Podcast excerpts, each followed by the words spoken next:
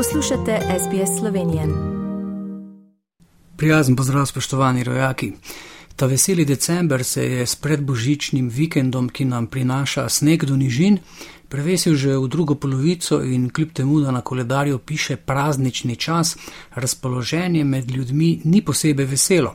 Gospodarska združenja namreč zaradi visokih cen energentov, še posebej elektrike in plina, povdarjajo, da subvencije, ki jih načrtuje vlada in jih je že sprejela, ne bodo zadostovale, zaradi česar lahko že v decembru, še bolj pa v januarju pričakujemo eksplozijo maloprodajnih cen ker se bo elektrika za podjetja ponekod podražila do desetkrat, naj bi bile ogrožene manjše obrobne trgovine, denimo, ki tega stroška enostavno ne bodo zmogle in bodo prisiljene zapreti poslovanje, svarijo v gospodarski in trgovinski zbornici, poleg tega pa je mogoče pričakovati še odpuščanje v trgovski panogi.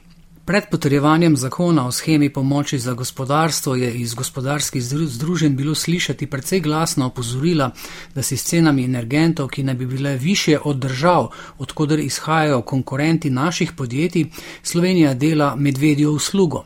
Politiko Evropske unije so mnogi označili za nespametno in opozarjajo, da so nekatere države Evropske unije svojemu gospodarstvu pomagale same z uvedbo kapice ali s kakšnim podobnim mehanizmom, katerimi so si same zagotovile nižje cene energentov. Zakonski ukrepi za pomoč slovenskemu gospodarstvu, ki so jih sredi tedna potrdili v državnem zboru, so tako ocenjeni na 1,2 milijarde evrov, od tega 850 milijonov evrov za subvencije elektrike in plina, 100 milijonov za schemi za ohranjanje delovnih mest in 200 milijonov evrov za ohranjanje likvidnosti, pri čemer pa vlada takoj v začetku prihodnjega leta napoveduje dopolnitve teh ukrepov. Kataklizmične napovedi gospodarskih združenj je nekoliko ublažila uradna napoved Banke Slovenije. Ta je sicer nekoliko znižala napoved gospodarske rasti Slovenije za letošnje in prihodnje leto, istočasno pa napovedala, da bodo plače v prihodnjem letu više in da se brezposelnost ne bo povečevala, pač pa se bo intenzivnost zaposlovanja nekoliko umirila. Čeprav predsednik vlade Robert Golop miri, da dogajanje, ki je pripeljalo do odstopa notranje ministrice Tatjane Bobnar, ne bo ogrozilo stabilnosti koalicije in vlade, pa predstavniki koalicijskih partnerjev v neformalnih pogovorjih izražajo zaskrbljenost in nezadovoljstvo.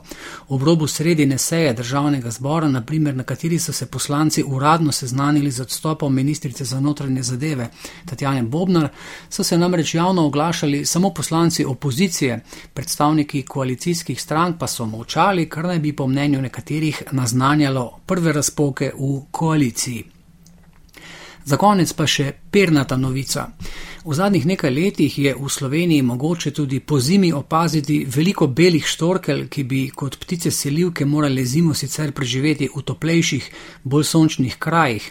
Zakaj štorklje vedno pogosteje prezimujejo v Sloveniji in zakaj je to lahko za nje kljub nizkim temperaturam lahko celo boljše kot selitev?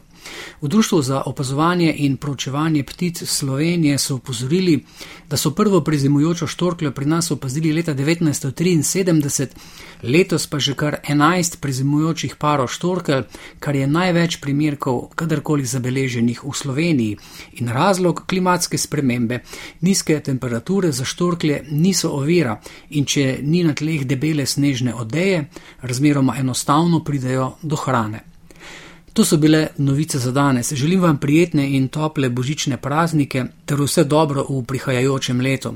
Pazite na se in vse lepo do našega naslednjega slišanja za SBS ali Šlednik. Želite slišati sorodne zgodbe? Prisluhnite jim preko Apple ali Google podcasta, preko aplikacije Spotify ali kjerkoli drugje.